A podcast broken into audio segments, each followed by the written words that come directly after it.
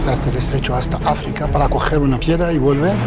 L'origen del projecte, una aproximació documental i antropològica gairebé. Nos inquietaba qué es lo que lleva a estos chicos jóvenes ¿no? a ponerse a traficar hachís en lanchas rápidas entre Marruecos y España, que es una cosa que está sucede, sucede desde hace muchos años, porque ahora, quizá con la crisis sucede más, ¿no? Decidimos bajar al sur ¿no? de España, estar ahí, pasamos prácticamente ocho meses investigando en el terreno, hablando con policías, hablando con gomeros, que es como se llaman estos chicos que conducen gomas, lanchas rápidas, y de, de todas esas declaraciones y de ese trabajo de campo que hicimos, ¿no? surgió el niño. Una pel·lícula d'acció real i autèntica, amb un enfoc social com en el cine sud-coreà i títols com The Yellow Sea.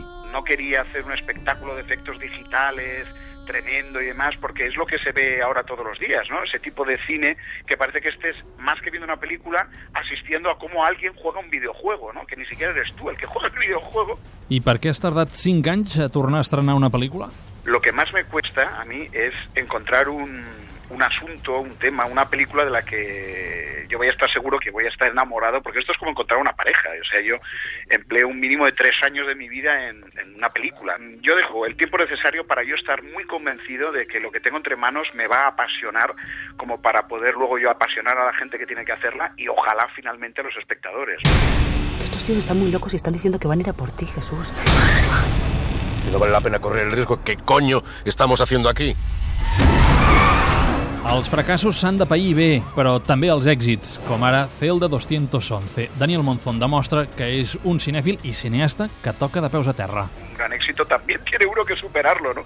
Y concentrarse y, y recordar por qué hace uno cine. O sea, no por, vamos, en mi caso no es por convertirme en millonario, ni tener una fama internacional, ni que toda la gente me aplauda por la calle.